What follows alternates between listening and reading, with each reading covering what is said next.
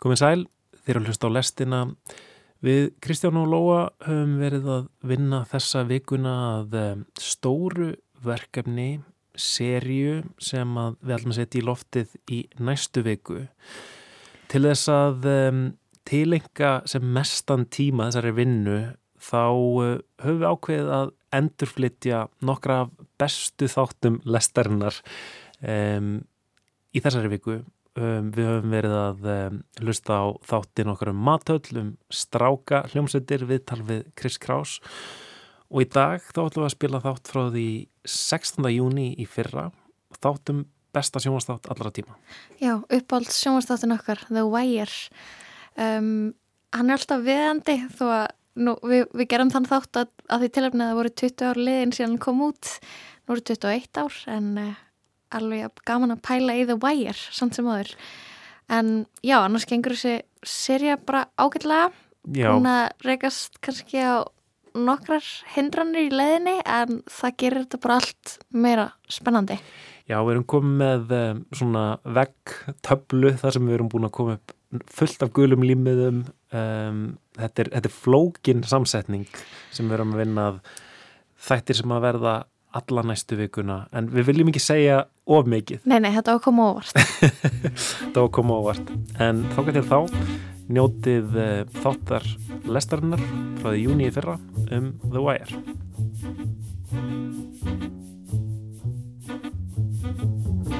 When you walk through the garden you gotta watch your back Lestin er komin á stað 5. daginn 16. júni. Ég heiti Lóabjörg Bestóttir. Ég heiti Kristján Guðjónsson og það er bara eitt umfjöldunarefni í þætti dagsins. Við höldum afmælis þátt í tilöfnið þess að um, sjónastættin er The Wire fagna 20 ára afmælið um þessa myndir. Fyrsti þátturinn í þessari þáttaröð sem að já, mörgum þykir vera bara bestu sjónastættir allra tíma Eh, var síndur í júni 2002 á HBO sjóanstöðinni við ætlum að tilenga lestina The Wire í dag Hey yo, lesson here, babe You come at the king You best not miss This look like money, motherfucker Money be green You McNulty are a gaping asshole We both know this. Hey, yo, what's up, Playboy? How come you wearing that suit, B? For real? It's 85 fucking degrees out here and you trying to be like Pat Riley. Man, look the part, be the part, motherfucker. Look, the man gave the word, all right? We either step up or we step the fuck off. Cause this shit, this is me, yo. Right here. We gonna handle this shit like businessmen. Sell the shit, make the profit, and later for that gangster bullshit. Yeah. All the angels sing about Jesus. Kristján, af hverju elskaru sjónastættina The Wire svona mikið? Vá, góð spurning. Það er svo margt en ég held að svona megin ástæðan er svo að þetta er sjónasefni ólít nokkru sem ég hef séð áður eða þegar ég sá það uppröðulega fyrir einhverjum tíu árum um, ég held að það sé aðalegnin hvernig þættirnir uh, sína valdatengsl mellir fólks og sína einhverja svona ósýnilega stóra samfélagslega krafta og hvernig hafa, það hefur áhrif á aðtapnir einstaklinga. Ef, ef, ef, ef þetta er ekki of háflegt ég, en, uh, Já, ég, og því að ég hugsa svona og því að ég elska þú til að mér finnst það svo ótrúlega nettir. Það er allt sem gerist í þessum þáttum er cool.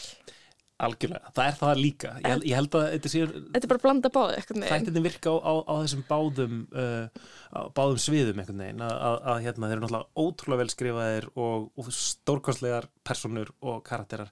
En, en allavega það sem að mér finnst algjörlega nýtt í þeim er einhvern veginn þessi ótrúlega breyða linsa sem er notið til þess að skoða samfélagslega vandamál sem að ég hef bara ekki séð nokkur tíman síðar heldur í sjónvarpi. Mm -hmm. Mm -hmm. Emitt Já, ég er bara, ég er fullkomlega sammála en þarna en svo eru þeir einhvern veginn, þeir eru skemmtilegir finnir og spennandi þannig að þú getur líka horta á þess að vera einhvern veginn að pæla í undirleikandi hápolítiska bóðskapnum Nefnilega. Sem er bara einhvern veginn hvað, eitthvað svona gaggrinni á kapitalist samfélag og bara bandaríkin og þau gangi ekki upp. Miskiptinga auðs rasisma, bara Einmitt. þetta allt skilur, bara þessu stóru stóru málefni Einmitt. En náttúrulega ef maður myndi bara vilja fá það svona, þessar upplýsingar beint í æð, þá myndi maður náttúrulega lesa bara eitthvað svona félagsfræðir ritgerð Mhm. en, en, en, en þessi þættir einhvern veginn innihalda allt hitt líka hafa, einmitt, þessar personur og, og, hérna, og, og samtöl sem eru bara stórkostleg Mhm. og einmitt og, og er raunin að hafa bara þetta uh, þetta aðdráttar að um leiðum maður er búin með eitt þátt þá langar mann að horfa á næsta Mhm. og ekki kannski, ekki beinta því að það er einhverju svona, hérna, eins og að kalla svona cliffhanger, þú veist, svona Nei, einhvern veginn að, að, að þú ert að býða eftir einhverjum upplýsingum sem kom í næsta þetta það er bara eitthvað um, Þetta er einhvern veginn svona, þetta er hægt og bítandi mm Mhm. rúlar einhver atbyrðarás áfram einmitt, og þau einhvern veginn getur ekki litið í burtu. Þetta er me- Nákvæmlega. miklu meira þannig heldur en einmitt cliffhangers. mm Já, ég sko átti þarna bara til þess að bæta þið við og því ég veit að það eru svo ótrúlega margir sem að hafa reynt og byrjað á The Wire og, hérna, og þeir það er erfist að komast í þá, inn í þá til að byrja með. Og það var ótrúlega mikið þannig að mér að gera eitthvað svona þrjár allur að því og bara ein hindrunum var bara svona ég skildi ekki hvað fólk var að segja. Þetta var svo erfitt að skilja um, bara einhvern veginn hvernig það talaði náttúrulega ótrúlega svona naturalískur leikur. Einmitt er ekkert verið að reyna, reyna eitthvað svona skýran frambur fyrir þig. Nei, og að vera að nota slangur bara úr, úr fátakra hverjunum í, í Baltimore. Bara orð sem að maður þekkir ekki og, og, hérna, og svo er þetta einhvern veginn bara 700 karlmenn sem eru í jakkafötum aðrir eh, eh, og, og svo aðrir eitthvað svona smáglæpa menn og ég var eitthvað svona, er þessi þáttur fyrir mig um, og, og bara einhvern veginn gæti ekki sett minjan og, og, og gæti ekki tengt við hann. Svo einhvern veginn í þriðju allu þá bara fattaði ég þetta er fullkomlega þáttur fyrir mig. Þetta er bara Mm. uh, og það einhvern veginn skiptir síðan í raunin ekki máli fyrir okkur þannig þátt og okkur það sem þessi þáttur er að segja. Í rauninni fjárvera hvern persóna af í, í þáttunum. Bara rosalega mikill kallaheimur og, og örfáar hvern personur bara ein kona móti tíu köllum en þetta er bara svona ef að maður ætlar að vera einhvern veginn svona að tala um eitthvað baktelpróf eða tala um einhvern veginn hlutskipti hvenna í seríunni þá finnst mér einhvern veginn í rauninni það sem er starra og skiptir meira máli að það er ekki til meira uh, nýstandi gaggrinni á karlmennsku. Já, þú veist, og, hérna, og samfélagslega vandamál og bara einhvern veginn það, veistu hvað ég á við? einmitt, einmitt If you catch the other dude's king and trap it, then you win. All right, but if I make it to the end, I'm top dog. Nah, yo, it ain't like that. Look, the pawns, man, in the game, they get capped quick. They be out the game early. Unless they some smart ass pawns. En ég er einmitt að horfa núna, ég er hérna alveg að klára þriði seríu. Það eru fimm seríur, þú ert búin að horfa allar tvis á sinnum. Við ætlum kannski að fara aðeins yfir hvað þættinni fjallum. Já, ok, ef við reynum að skilgjörna það þá er þetta náttúrulega í grunninn svona saga af löggum og bófum. Um, það er svona kannski gr- grunninn, eh, grunnurinn. Það eru dópsalar og, og, og, hérna, og gengja menning í, í Baltimore og, svo er fylgistu við með lauruklónum sem er að reyna að um, já, koma, koma höndum á, á glæbumennina en, en þetta er miklu flóknar en það og þetta eru fimm seríur sem að hver sería svona eiginlega sko vikar út myndina af þessu samfélagsvandamáli sem að er ofbeldi og, uh, og, og, og dóp í Baltimore.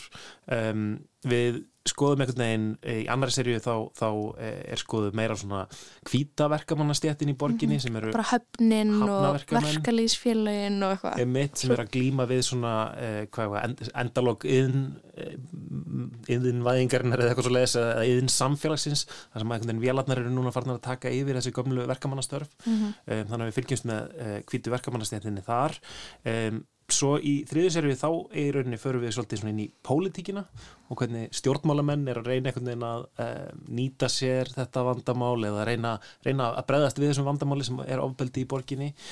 En einhvern veginn þá hérna þá uh, gerist aldrei neitt. Um, og svo er farið að uh, í skólakerfið í fjóruðu seríunni og þá fylgjustu við með einhvern veginn um, já, skólakerfinu og, og, og hvernig vandamálin uh, eiga sér oft alveg bara djúpa og, og rót í bara æsku, æsku fólks. Um, og svo í fymtu seríu þá eru það fjölmiðlarnir sem eru teknið fyrir. Þetta er svona einhvern veginn eins og laukur það sem hefur verið að fletta af einu lægi í einu. Og, og því að ég er að mitt í þriðju þar sem að það er einhvern veginn pólitíkin eru komin og þú ert búin að vera að segja um já og svo kemur pólitíkin, er pólitíkin komin. Og, og svo einhvern veginn að vita að skólakerfið sé fjórðaserja það er einhvern veginn búið að vera undirtekstinn eða þú veist, þú veist alltaf að býða eftir að vita meira, það er verið að segja svo ótrúlega margt í einu það er einhvern veginn, er ekki þarna, pláss fyrir allt í hverju serju mm -hmm. veistu hvað ég við? Mm -hmm. Sko, það, það er mjög merkilegt hérna, kannski ef, ef við förum í svona uppbruna sögu þessara þáttar, að þá eru þetta já, tveir höfundar, svona aðal höfundar á þáttunum um, sem heita David Simon og Ed Burns og þeir eru sko eiga báðir einhvern veginn bakgrunn sem að, sem að nýtist þeim mjög mikið við gerða þessari þátt að David Simon var semst bladamæður í, í Baltimore eh, í einhvern 15 ár eh, á 9. og 10. áratögnum og vann við að fylgjast með lög, löggufréttum, var alltaf vakt á nóttinni og einhvern veginn að taka við tilkynningum frá löggunni og svona og í gegnum þá vinnu þá kynntist hann þessum Ed Burns sem að var eh, lögglumæður og, og vann semst sem lögga í 20 ár um, var rannsóknarlögga í, í,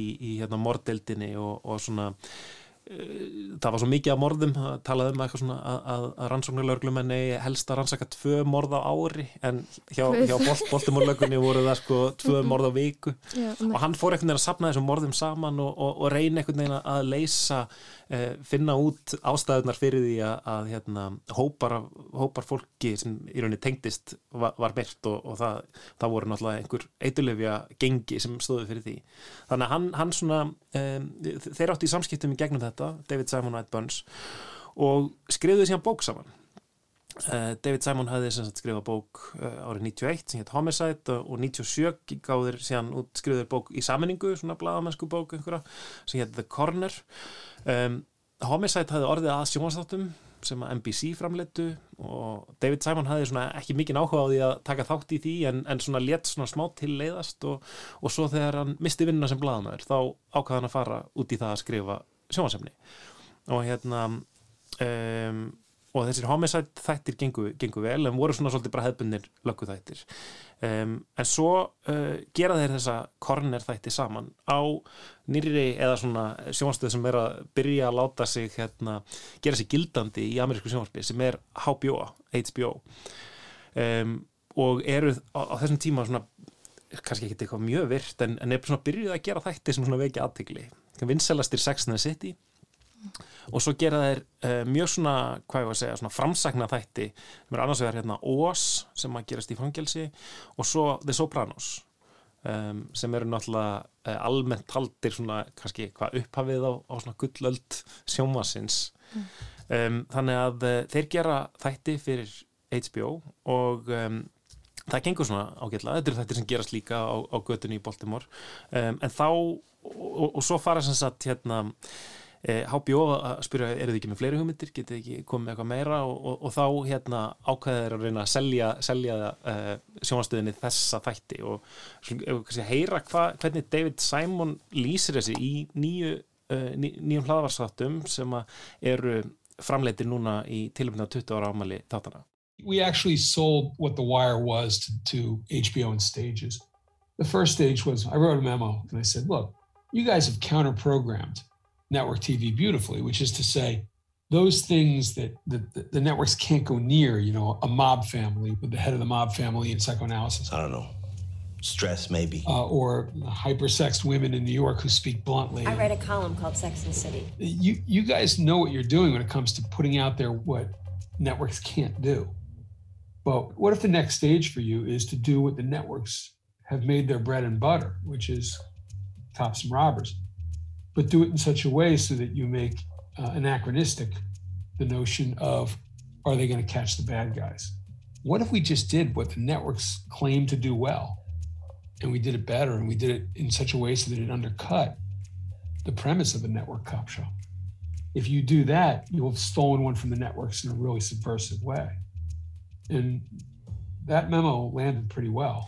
Já, hann heyrðu við David Simon um, höfundi þáttana The Wire um, sem fagnar 20 ára ámæli núna hann er að segja frá, frá því hvernig hann eiginlega smiklaði þáttunum inn til HBO um, sem sagt not, að notast við þetta svona löggu þáttaform sem var mjög vinsælt á þessum tíma í kringum aldamótin, ég menna voru svona þættir eins og hvað, CSI, Law and Order einhverju svona þættir, Emmitt. en það er allt svona þættir það sem er svona mjög skýrt, löggan er góð glæbamenn eru vondir Já, það er svo, það er svo ótrúlega skýrt. Það er bara líkur enginn vafi, bara við höldum með löggunum og þetta eru vondu kallanir. Mm einmitt, Það er ekki þannig í The Wire. einmitt og svo sko hver einasti þáttur var líka svona eitt sakamál sem leistist það var ég þessum hinum þáttum en á, á meðan sko eh, ég held að um, bandaríski bókmyndafræðingurinn Fredrik Jameson hafi, hafi líst, í, líst í þannig að The Wire eru sko svona ráðgáta en það sem sögudólgurinn er samfélagsheldin Mm það,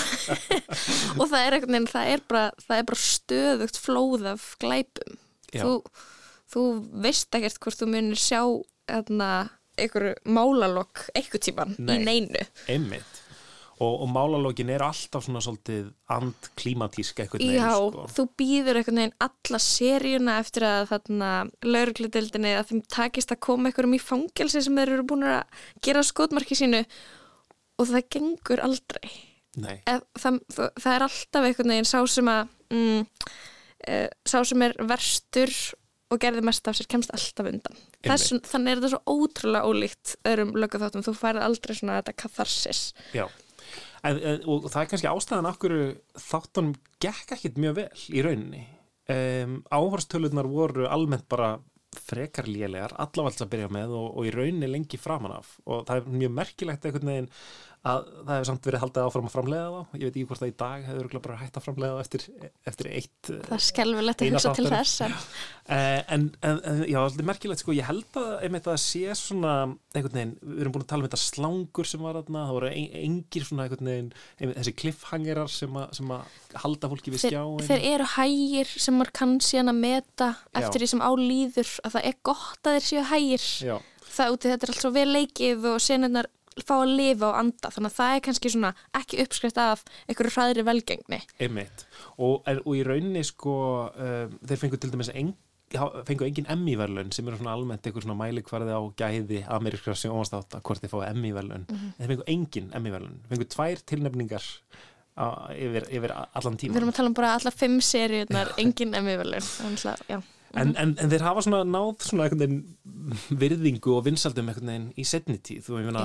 Ég held að það séu örugglega fáir sjónvastættir sem að eru jafn mikið svona einhvern veginn tekni fyrir í háskólum. Það eru svona háskólakúrsar í bandaríkjunni sem voru kendir um þegar það er og mikið af bókum sem hafa komið út. Ég bara kíkti inn á hérna leitir bókasaps eh, vefin hérna á Íslandi og sá að það eru allavega til fjórar bækur á, á Ok. bókasafnum á Íslandi um þegar það er. Já, ok, uh, til samanbyrða þá til dæmis Breaking Bad eru bara tvær bækur. Ok. Fjögur tvei fyrir hvað er. Um, og, og svo, svo er sko, það hefur eiginlega engin reynd að endur taka leikin að gera svona rosalega flókna stóra þætti eftir þú er mannst þú eftir einhverjum þáttum sem að er einhvern veginn í líkingu við Nei, ekki sem ég hef séð. Uh, en ég held að þetta sé líka bara því ég er búin að vera að reyna að skilja út það, þegar ég horfa á vægir þá fyrir mér er þetta ekki eins og ég á að þekka sjónvarp? Þetta, þetta sprengir alla skala í bara gæðum bæði handritið og uh, leikur.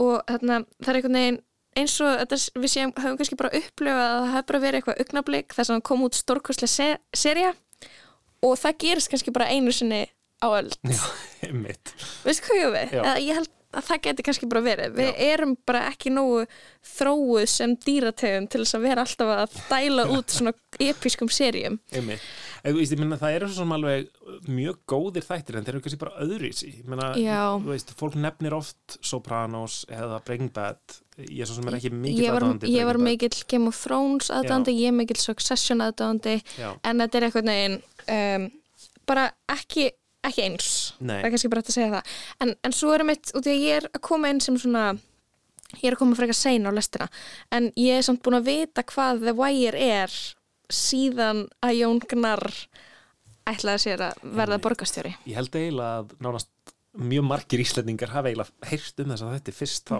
Hvað var það, 2010 þegar hann var að, e, að semja e, um, í meiri hluta viðræður já, ummitt. Ég, ég ringdi í hann og spurði hann af hverju hann gerði það að skilir því að uh, þeir sem ætlaði að vinna með honum í borgarstjórna meiri hluta væri búin að horfa á The Wire.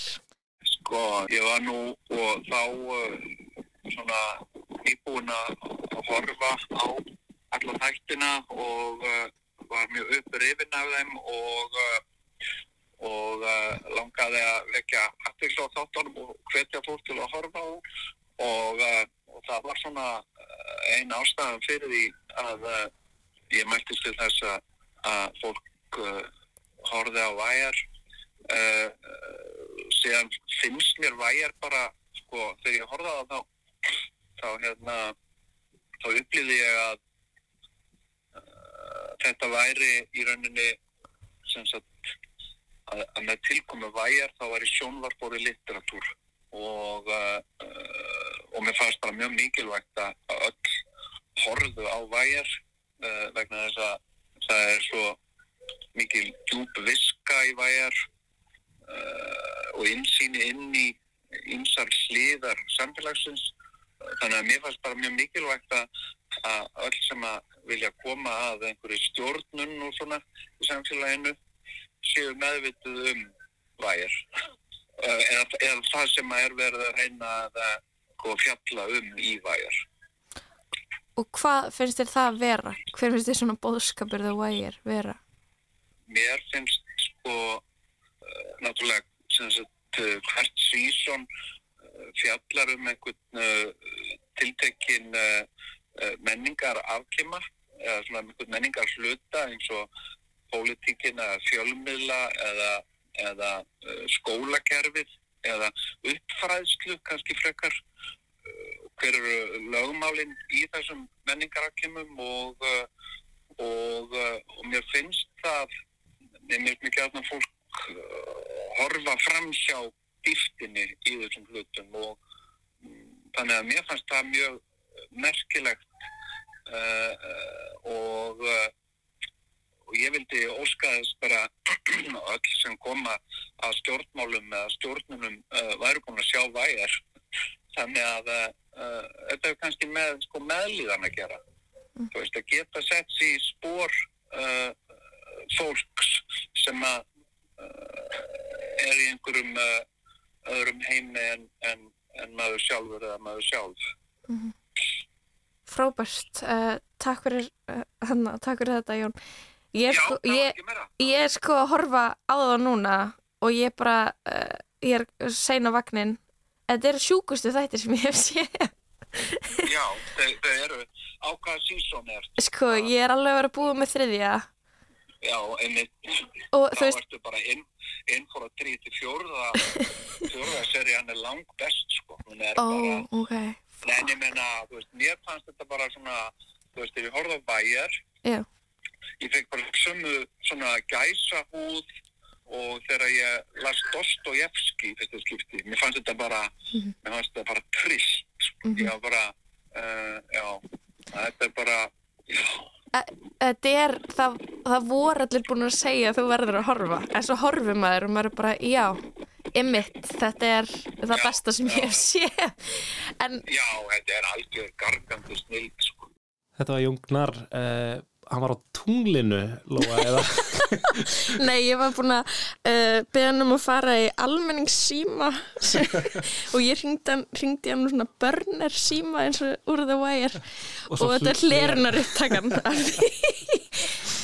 Já, svo leis var það. Já, uh, Nei, en þess að það er í Berlín það hann vonandi útskýrir þessi hljóðgæði en, en sko ég held samt að, að einmitt, ég held, ég held þessi sammála Jóni sko að ég held að þetta séu þættir sem að er mjög gott að um, að horfa á til þess að skilja eða sko þannig er allavega svona ein kenning ein kenning einhvern veginn um eðli valds og eðli stopnana í samfélaginu. Um, þarna er einhvern veginn verið að sína stopnanir sem eru mjög um, hvað ég var að segja það er mjög erfitt að breyta struktúrum og stopnunum samfélagsins. Það er ótrúlegt og mann er líðilega eins og einhvern veginn í bandaríkjanum og í Baltimore að það séu 70 stig frá botni upp á topp. Já. Þú ert bara með yfirmann sem með yfirmann sem með yfirmann og það er allir strengjabrúður einhvers. Þannig að maður skilur ekki hvernig væri hægt að ná í gegn einhverjum svona kerfislegum breytingum. Út af því að það er alltaf einhver sem þarf að hlýða einhverjum sem er í samstarfi við einhvern, spiltan. Þú, þetta er bara einhvern veginn eitthvað flækja, meg Já, þetta er einmitt, svona valda flækju og ég einhvern veginn hugsaði um titilin á þáttunum þá einhvern veginn hugsaði ekki um þennan hlerunabúnað eiginlega, sko, ég hugsa um einhvern veginn svona strengina milli fólks og valda þræðina einhvern veginn, sko, þú væri einhvern veginn, Ok, sko já, ég var ekki búin að fatta það. Ég hugsaði bara um Ég fattaði líka bara mjög seint í fyrstu seríu. Já, why er hlerunabúnaður? Ég hugsaði bara vírin. En já, það eru alveg margir sem hafa einmitt reynd að lesa alls konar þjóðfélagsgreiningu og, og jafnvel eitthvað svona um, heimsbyggi, eitthvað samfélags heimsbyggi úr þessu öll saman. Uh, ég kíkti hérna bara í, í kistuna hérna á Rú og, og sá að, að það hefur náttúrulega verið uh, rætt um þetta uh, ára á seitt áður. Uh, meðal hans í Viðsjá árið 2012 þá kom Viðar Þorstensson, heimsbyggingur og hvort hann sé bókmyndafræðingur líka, ég maður það ekki alveg. Hann kom í Viðsjá og var svona að lesa þættina út frá svona marxískri greiningu. Þetta er nokkuð sem þættinni sína rosalega skýrt og, og, hérna, og, og, og svona illustrera á mjög áhugaverðan hátt að hvernig uh, vald uh, fjármaks eða auðmaks flæðir í gegnum öll þessi ólíku svið og, og bindur þau saman. Og, og svona bæði skapar ákveðna möguleika sem sagt fyrir þetta fólk að koma sér áfram. Það er til dæmis í bæði stjórnmálunum og í, í, í þessum heimi dópsala sem að er síndur en samt sem áður verður engin breyting á sjálfu kerfinu. Kerfið heldur alltaf áfram að, að endur framleiða uh, sjálft sig þetta sagt, er uh, eftir samkvæmt því sem ég er að reyna að halda fram að þá byrtist þarna ákveðin samfélagssýn sem ég held að eigi nokkuð skilt við félagsvístarlega greiningu af þeim tóa sem að uh, Karl Marx uh, stundaði og, og síðan aðrir reyndar marxistar, ég ætla líka að tala um Louis Althusser sem var frægur franskur heimsbyggingur og marxisti og, og hérna sem hafði mjög mikið áhuga á því sagt, hvernig svona ólík samfélagslega svið koma saman og mynda heldir. En, en hann hafði líka mjög mikið áhuga á því hvernig sagt, einstaklingar sjá sjálfa sig innan svona uh, samfélagslegra kerfa og hvernig uh, hugmyndafræði gegnir þar ákveðnu mikilvæga hlutverki? Uh, hugmyndir þeirra um möguleika þeirra til þess að öðlast völd eða, eða sérst, ná einhvers konar sigri innan kerfa. Þetta er svona, þetta er sínað fram á þetta sem blekkingu á ákveðin hátt og það gildi bæði um þá sem eru neðstir þá sem eru svona hinnir, algjörlega undirókuðu sko, þú veist, eh, fátæki strákar sem að reyna að fara og, og, og sjá fyrir sér sem dópsalar, en það gildir í rauninni líka um, um sko þá sem tilhera elitinu, það gildir líka um borgarstjóran í Baltimore, hann flækir sér líka sagt í ránkvömyndum um, um möguleika sína til að gera breytingar sagt innan, innan kerfisins. Já, ég, ég tengi við þetta sem að Viðar Þorstensson er að segja þarna í Vísi árið 2012 sko þetta með að einstaklingarnir, um, þeir náttúrulega sjá ekki heldarmyndina, þeir sjá ekki stóru kraftana sem að eru í raunin að stýra atbyrðarásinni, þeir halda einhvern veginn að þeir séu frjálsir og, og þetta með hugmyndafræðina einmitt að sko ég held að um, kannski það sem er sem magna við þettina einhvern veginn er að þeir sem eru fátakastir, þeir sem eru á botninum í þessu ameríska samfélagi sem er sínt þarna það eru þeir sem einhvern veginn trúa á ameríska drauminn hvað mest. Uh, og mér finnst það kannski hvað skýrast bara í upphafsefnu þáttana sem er svona svolítið manni finnst hún ekki það merkilegt að byrja með en eftir því sem að maður hugsa meirum hana þá er hún alveg geggjað það er samtal þar sem að lauruglumæðurinn Jimmy McNulty sem er svona, hvað getur við sagt, eiginlega aðal persóna þáttana, þáttana. Drikkföldu lauruglumæðurinn. Já, það sem hann er búin að, er búin að finna líki af karakterinum Snottboogie sem kemur síðan ekkert meira fyrir Nei, maður- og við erum ekkert að fara að leysa þetta morð í þessum þáttum. En við höldum að það verði kannski morðið sem að við munum fylgja eftir í gegnum þáttaræðunar en það skiptir engum máli.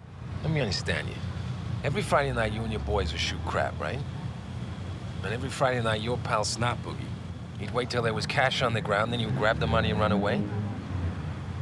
You let him do that? I mean, we'll catch him and beat his ass, but ain't nobody never go past that. I gotta ask you.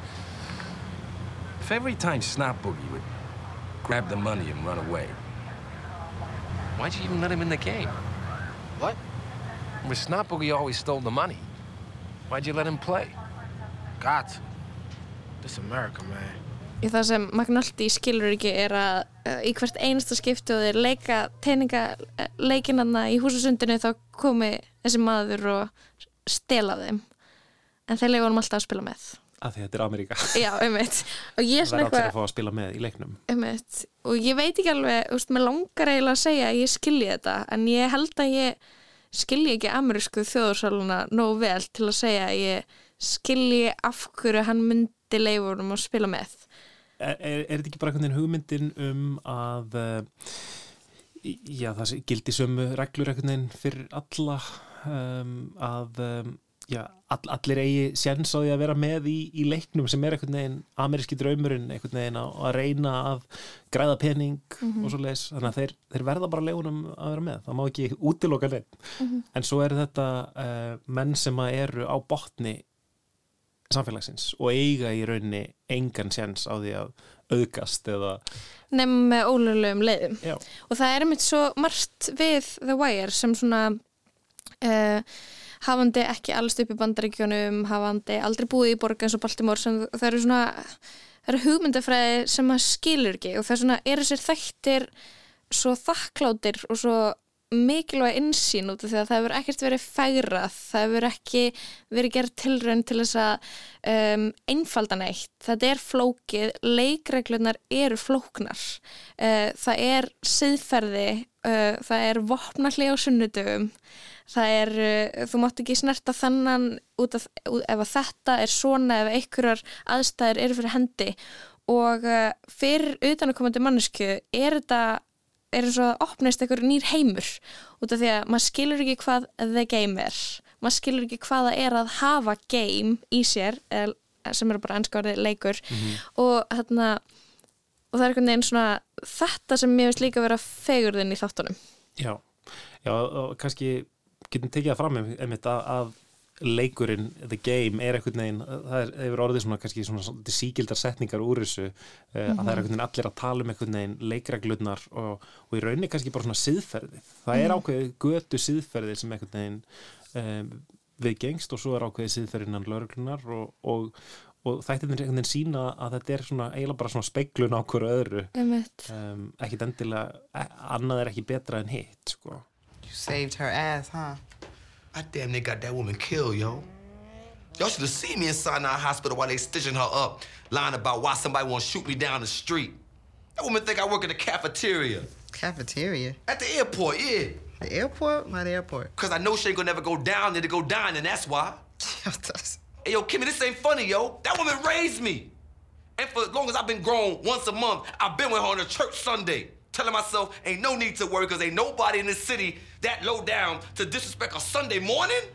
og sko talandi um leikin þá er ég eiginlega nýbúin að horfa á senu úr þriðiserju þar sem að það er persóna sem er laus úr fangelsi eftir 14 ár sem hefur sittið einu fyrir morð og það er einhvern veginn og fangelsi spila líka einhvern veginn merkilegan sess þarna út af því að það er í rauninni bara einhvern veginn eh, ég ætla ekki að segja þessi eðlilegur hluti af lífinu en það tilvist fangelsa, möguleikin að enda í fangelsi það er fórnarkostnaður. Og rétt eins og að, að glata lífi sínu og fara í fangelsi þá til þess að fá að spila með þá veistu af því og reynir að forðast það en það er í mörgum tilfellum óumflýjanlegt og bara partur af þessum leik. Allavega þannig er þarna persóna lausu fangelsi eftir 14 ár og hann það er svona gefið í skinn og, og, og svona í að því að hann hafi verið um, hann er kallaður það stríðsmaður eða soldier, sem sagt sá sem er sendur fyrir gengin eða fíknefnasaluna til þess að skjóta þegar uh, verið að takast á um yfiráðsvæði hver, hver fær að selja dóp hvar. Og hann kemur aftur í fangelsi en það hefur eitthvað breyst innra með honum, hann er bæði eldri hann hittir uh, fyrir um ástkonu sína og hún hefur eitthvað neginn gjörbreytt um líf og farin að kenna og hún eitthvað neginn hefur eitthvað neginn enga trú á honum, það situr í honum og hann er þess að í þessari senu sem ég ætlaði bara að fá að spila þá er hann eitthvað neginn að uh, átta sig á því að hann getur þetta ekki lengur But I'm surprised with you though, man. Shit didn't get by you back when. Well, my man's fault, man. I unloaded on the younger too soon, man. Gave him enough room to buck and run, man. I fucked that shit up myself, you know. Hold on. It's on me. I had that kid in my sights, close enough to take off his Kango and half his dome with it. Couldn't squeeze the trigger. Couldn't do it, man. Hmm. Why not?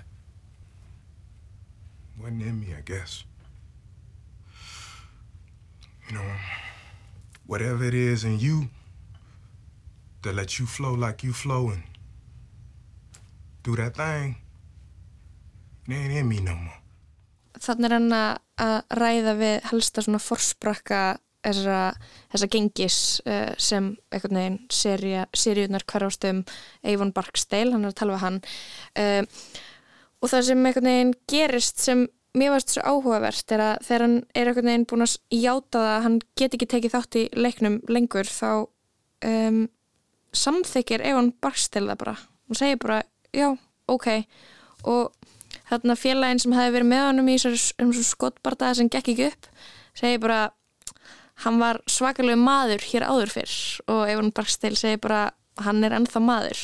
Og mér finnst þetta svo áhugavert að þannig er einhvern veginn skil ég hversu lítið ég get skilið reglur þessa heims leikreglunar og því að maður heldur að þegar þú ert uh, tilherir uh, þessum heimi að þá sérstu þar til lífstíðar mm. annarkvort þannig að þú deyrð eða þannig að þú endur í fangilsi uh, þá þú ert bara í þessu og þetta er bara lífstíðar skuldbinding en þarna fekk hann að lappa í burtu einhvern veginn út af því að hann uh, leifir sér að vera einhvern veginn viðkvæmur, eitthvað sem við sjáum mm. svo lítið í, í þessari sériu, þeir þurfa alltaf að vera svo harðir. Já, en er það ekki meira bara því að hann er búin að uh, gegna sinni skildu með því að Jú. sitja inn í fangelsi í áratögu eða eitthvað svo leiðis? Jú, það, það getur verið það en hann sé bara búin að sinna sínu hlutverki en það byggust allir við að hann myndi bara koma aftur út og halda fram að spila með. Já, einmitt. En þetta er auðvitað, þetta er kannski snertir á, á, á þætti sem við erum ekki, ekki búin að nefna neitt sem er náttúrulega kynþátavingillin í þessu. Uh, The Wire voru rauninni mjög merkilegir þegar koma, koma út á sín tíma. Það var, hafði verið kvarta yfir í árinnan á undan að svartir væri ekki nógu áberandi í uh, bandarísku sjónvarpi og þá var það í rauninni alltaf sem einhvern veginn glæbamenn sem voru slæmir, íllir, einhvern veginn um, en þannig allt í hennu meiri hluti leikarna þessum þáttum eru svartir mm -hmm. uh, og þeir eru alls konar þeir eru góðir, þeir eru slæmir uh, þeir taka rángar ákvarðanir, þeir taka réttar ákvarðanir mm -hmm. og oft bara sama manneskjan er, er allt þetta sko mm -hmm. í, í senn og, og þættin er auðvitað sína þessa Baltimore borg og í rauninni sem gæti kannski verið bara hvaða borg sem er í bandaríkjörnum eða, eða ákveðnar svona borgir svona við lok inn, hérna sem eru svona voru innborgir sem eru í, í hnignun um, einhvern veginn stjættaskiptinguna rosalega stjættaskiptingu þar sem að fólk býr í algjörlega gjör ólíkum heimum og í, einhvern veginn í fátakra hverjunum eru það hinn er svörtu og svo í, í velstæðari hverjunum eru miklu fleiri kvítir mm -hmm. Það er einhvern veginn, ég hef keirst fram hjá Baltimore í rútu og það er einhvern veginn svona grá slikja yfir borg sem er fyrrum hafnarborg sem er, degjandi hafnarborg og uh, þú veist, hún hefur þetta orðspor á sér að vera hættuleg, það séu hættuleg hverfi og maður hefur heilt alls konar sögur. En ég veit ekki hvort þetta sé en dæmugerða bandaríska borg. Það er sko það er lang stærstur meiri hluti íbúa er svartur, það eru 60% og, og svo er ótrúlega mikið bil á milli fátakra og ríkra. Og það er eitthvað neginn uh, líka fjó, þeir eru fjóruða sæti yfir hæstu tekjur í öllum bandaríkjörum mm, okay. en svo eru stór hluti íbúa sem býr við heimilsleysi þetta er, veginn, þetta, þetta er alltaf gerast í sömu borg sem er einmitt sko uh, nú kemur pólitikinn fyrir þáttunum bara staðsett, bara einhvern veginn steinsnar frá Washington DC, kvítahúsinu þar sem að valdamesta fólk bandaríkjana kemur saman og tekur ákvarðanir, þar er þetta þessi borg sem er vandamálaborg en, en það er einhvern veginn eins og hérna í, í þessum þáttum það gerast aðalega serían í, í vestur hlutaboltumor það er svona vandraðasvæðið og það er bara það, það eru til dæmis bara svona fínar lífslíkur fyrir íbúa Baltimore bara 74 til 78 ára ald, eitthvað svona lífaldur en í sumum hverfum borgarinnar er hann bara eitthvað svipaður og í löndum eins og Jemen wow. þetta er bara svona eru svo ótrúlega miklir öfgar þarna mm -hmm. Einmitt. Sko, mér er svolítið merkilegt The Wire, þessi þættir sko, við tölum um sko, hvað, hvað þetta er svona víð linsa sem er verið að nota um, það eru nánast Jújú, jú, það er alls konar aðalpersonur en, er, en stóra aðalpersonun er kannski Baltimore borg á einhverju leiti.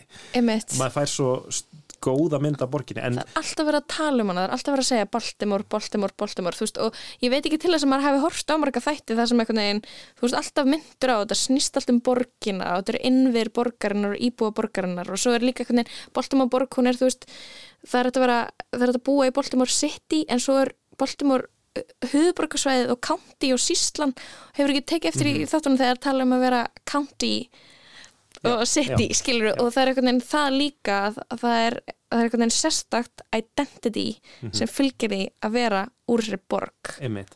En sko, nú hefur hvort okkar komið til borgarinnar.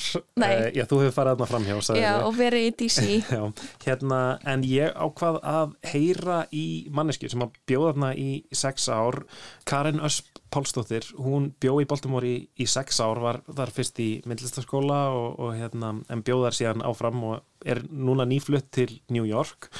Um, ég ákvaða að ringi það nú og bara heyra sko hvernig Baltimore búar líta á þessa þætti sem að mörgum eru taldir bestu sjóastættir allra tíma en varpa kannski svolítið svona dimmu ljósi á borgina? Sko mér finnst The Wire vera alveg frekar hreinskilinn þáttur um borgin í rauninni og Ég samt sko held alveg að þátturinn hefði í rauninni getið gerst annar staðar, þú veist, Detroit, jafnvel Philly, þó Philly sé kannski hann starri, en, en mér finnst, þú veist, eftir að hafa búið þarna, þá, og bara það sem ég hef heyrt kannski fólk segja, þá er þetta alveg frekar hreinskilinn þáttur. Mm -hmm.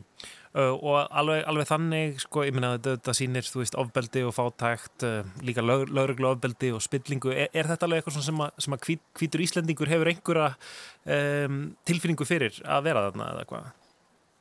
Já, sko ég myndi náttúrulega aldrei geta sagt að ég hef upplifið þetta, þú veist, ég er ekki frá Baltimore, ég er líka hvít og ég flutti til Baltimore til að fyrir skóla og margir sem gera það eru kannski í einhverju búblu fyrst en svo bjóð ég þarna lengur og bara kynntist miklu fleira fólki frá Baltimore og upplýði borgina þess öðruvísi en þú veist, af því að Baltimore er svolítið svona, hverfin er mjög rosalega blönduð og þú veist, já, ég hef séð upplýða fullt hana og, og eila bara allir séð þekki líka mm. og þú veist, já, maður, maður sér og, og hérna, maður sér ofbeldi, maður sér þú veist, bara fólk selja eitthilif bara fyrir utan húsið og fólk er stungið fyrir utan húsið og bara, þú veist, já, þetta, þetta er, þáttun er að sína hluti sem gerast reynverulega í Baltimore. Mm -hmm. Hvernig hvernig upplifur afstöðu svona borgara, borgarbúa til, til þessara þátt að því að, að, að Baltimore er náttúrulega rosalega uh, stór persona í þessum þáttum og, og, hérna, og kannski ekki sínt á í mjög jákvæðu ljósi. Er þetta eitthvað sem að, sem að borgarbúar eru já, stoltir af að þessu frábæri þættir hafi verið gerðir þarna eða, eða kannski þvert á móti skammast sín einhvern veginn fyrir það? Sko, ég, eins og ég hef alltaf upplifað það eða hýrt frá fólki, ég hef aldrei hýrt neitt skammast sín fyrir það vægir. Uh, sem að, þú veist, ég held um þetta oft þegar að einhverju svona hlutir eru síndir í þessu ljósi, þá sé, sé fólk kannski ekkit ána með að saga sér sögð svona, en ég held sko að það sem að það vægir gerði fyrir fólk var að það sagði sögur fólk sem að hafði kannski ekki mikla rött og fólk sem er frá Baltimore, uh, mikið að leikurunum bygguðar, búaðar ennþá og Ég held, já, þú veist, ég hef alltaf heyrt bara jákvæða hluti um The Wire í rauninni. Ef eitthvað er þá heyr ég kannski frekar neikvæða hluti um kannski hvernig áhörundur eru að taka við þættinum mm. og hvernig áhörundur eru þá að sjá, þá bara áhörundur, þú veist, allstað annað, bæði vandaríkunum, bara heims áhörundur, bara hvernig þau líta á Baltimore eftir að hafa hort áttinn af því að það er svo mikið meira við Baltimore heldur um bara morð og glæpir og ég held líka að sko stundum þá sé fólk ekki alveg að taka frá þættinum að það er verið að gefa rödd til fólk sem hefur ekki röddir og þetta ofbeldi og eitthilif eru, þetta er, kemur allt út frá aðstæðum en ekki bara af því að þetta er einhver lífstíl sem að fólk kausir mm -hmm. í borginni. Já, mér finnst smá áhugavert hvernig Karin er að tala um viðtökur áhöranda og því að núna eitthvað neginn í uh, undirbúningnum undir þannan vægir þátt okkar þá rakst ég á svona leiðbenningar um sko hverfin í Baltimore út frá vægir þáttum. Þú Ok. getur tekið eitthvað svona túr um borgina um borgina. reynda bílaferð og, hérna, og þú veist það sem getur farið á matslustæðina og séð ykkur ákveðin horn og þarna bílskurunars bubs og alls konar og það sem var svo áhugavert að samtfinna inn í þessar leiðbynningar og þetta kortið í borgina það var svona eitthvað þið, þið verður samt líka bara að gera ykkur grein fyrir því að þarna býr raunverulegt fólk sem að samþykti ekki að vera, þú veist, einhver, eins og okkur dýr í dýragarði fyrir eitthvað til þess að koma og glápa á fólk sem lifi við fátækt.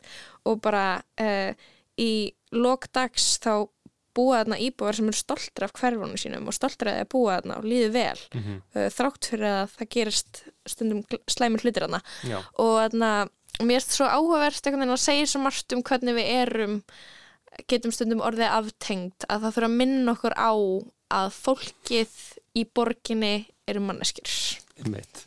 Það er ágætis punktur. Um, já, þetta er náttúrulega, þetta eru svona, svona realískir þættir eru teknir upp á, á þessum raunverulegu stöðum og, og mikið af leikurunum er jáfnvel fólk sem að, um, já, bara kemur frá Baltimore og, og, og á, á jáfnvel bakgrunn úr, úr glæpum þarna og hinn og þessu. Ég þarf engin svona eitthvað töfrar kvikmyndana með því að það er ekki verið að byggja eitthvað sett Nei. í Kaliforníu og svo skot frá borginni, þú veist, þetta er bara Já. það er bara þessi gata tekið upp þarna Einmitt. En það er svolítið merkilegt núna sko 20 árum eftir að fyrsti þátturinn var síndur uh, í júni 2002 uh, þá er já það er svona ákveðna fréttir að að David Simon þarna, aðal höfundur þáttana hann er í rauninni snúin aftur til Baltimore með nýja þætti sem að sko er nánast eins og svona hvað var það eftirmáli af The Wire þáttunum að því að það eru þættir sem að komu bara út núna á dögunum frá HBO, sama framleiðanda um, og heita We Own the City.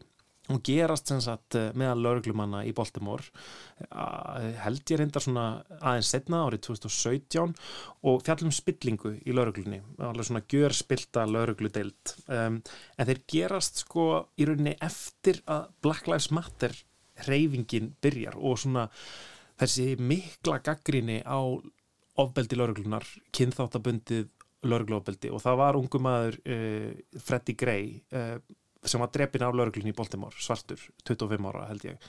Um, og, og það eruðu mikil mótmæli í, í Baltimore. Og þannig að það er svona verið að takast á við sko, þannig eru lauruglumenn í svona hálgjörðu verkfalli, þeir nánast neita að handtaka, handtaka fólk að þeir eru svo hrættur um að vera lögsóttir. Um, og það eru þarna þessar kröfur um að í rauninni nánast afnema laurugluna eða allavega minka fjármagn til hennar. Og ég myndi segja að, að í þessum þáttum er svona David Simon að eitthvað neginn já, kom með sitt innlegg í þá umræðu hvort það eigi að uh, minka fjármagn til lauruglunar eða ekki. Um, og hann, ég myndi já, þó, þó hann sé mjög gaggrinn á, á virkni lauruglunar þá, þá er hann samt ekki á því að það eigi að minka fjármagn til hennar. Í rauninni séu, vil hann meina kannski að mikið af vandamálunum séu út af því að það er of lítið fjármagn Mhm. til löggæslu. Það er einmitt verðt að minnast á að, að það er syngt sko, það er svo ótrúlega mikið lauruglóbildi í sjónvastáttunum The Wire Já. sem að um, sem einhvern veginn eins og við höfum kannski tala um áður uh, er einhvern veginn, það eru bæði góðu en að gæsa alveg góðulökunar og vondulökunar sem einhvern veginn beita bara grímuleysu ofbeldi við hvert tækifæri.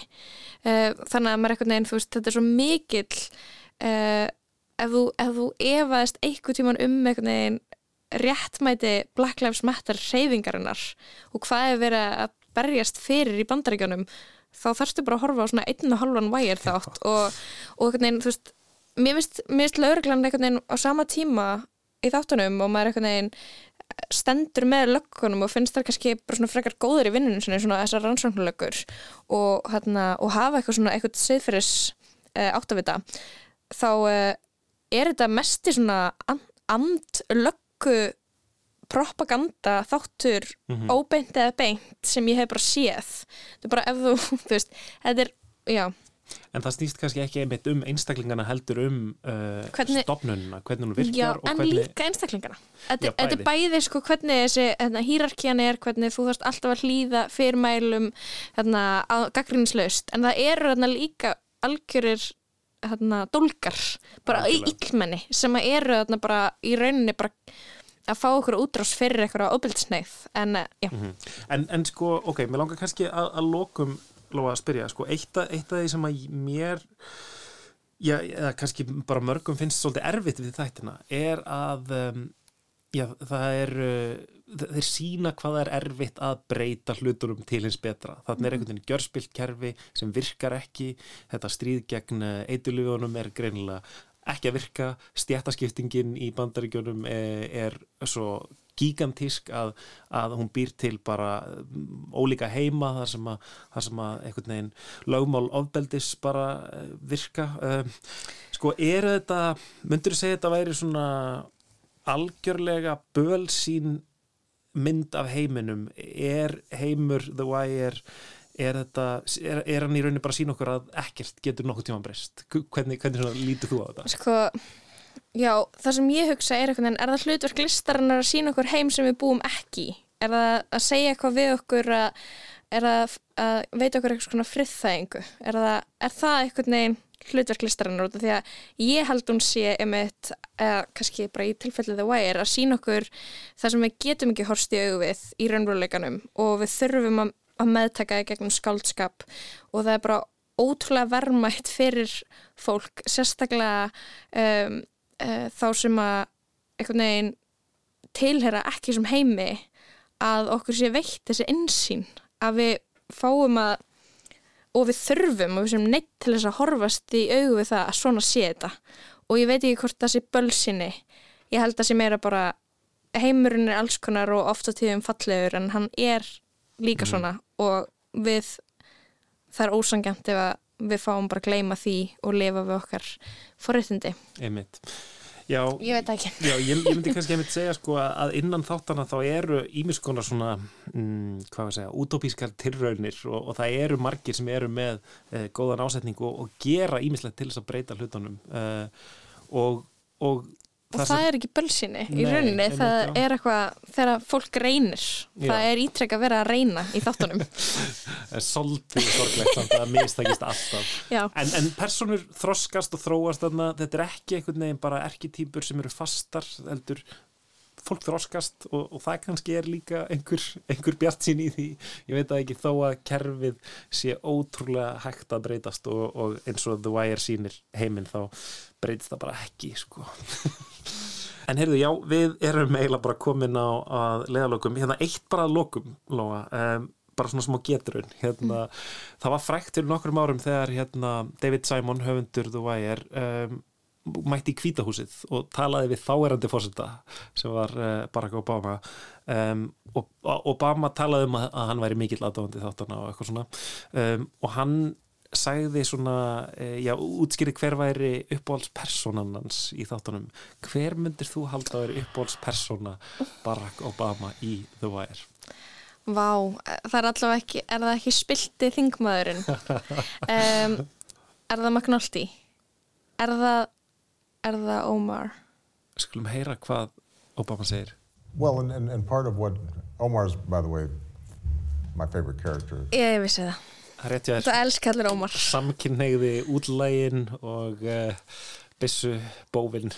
En um, já, þetta var uh, afmælisþáttur lestarinnar uh, í tilöfnið að 20 ára afmæli sjónastáttanna The Wire. Við getum talað í tvo tíma í viðbót en við Algjörlega. heldum okkur innan ramman Það er svo margt sem ég væri til að segja meira en um, Þú kannski bara ferða á Twitter ég fer á Twitter. Já, við Kristján og Lóa þakkum fyrir okkur Við verum minna aftur á mánudaginn á sama tíma Já, þannig til þá, verið þið sæl. Walk the straight and narrow track.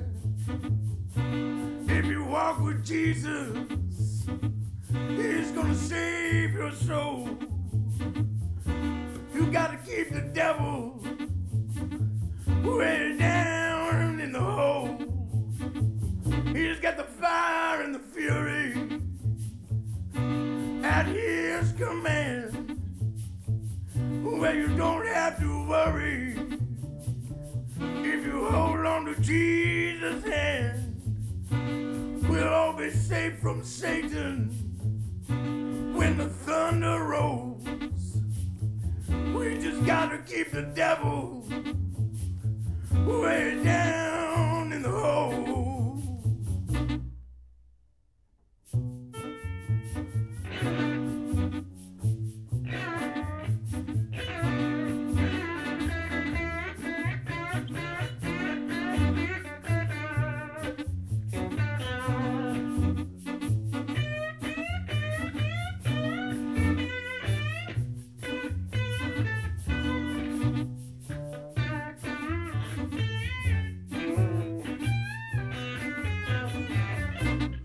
The angels sing about Jesus' mighty sword, and they shield you with their wings and keep you close to the Lord. Don't pay heed to temptation, for his hands are so cold. You gotta help me keep the devil way down in the hole down in the hole, down in the hole, down in the hole, down in the hole, down in the hole, down in the hole. You gotta help me keep the devil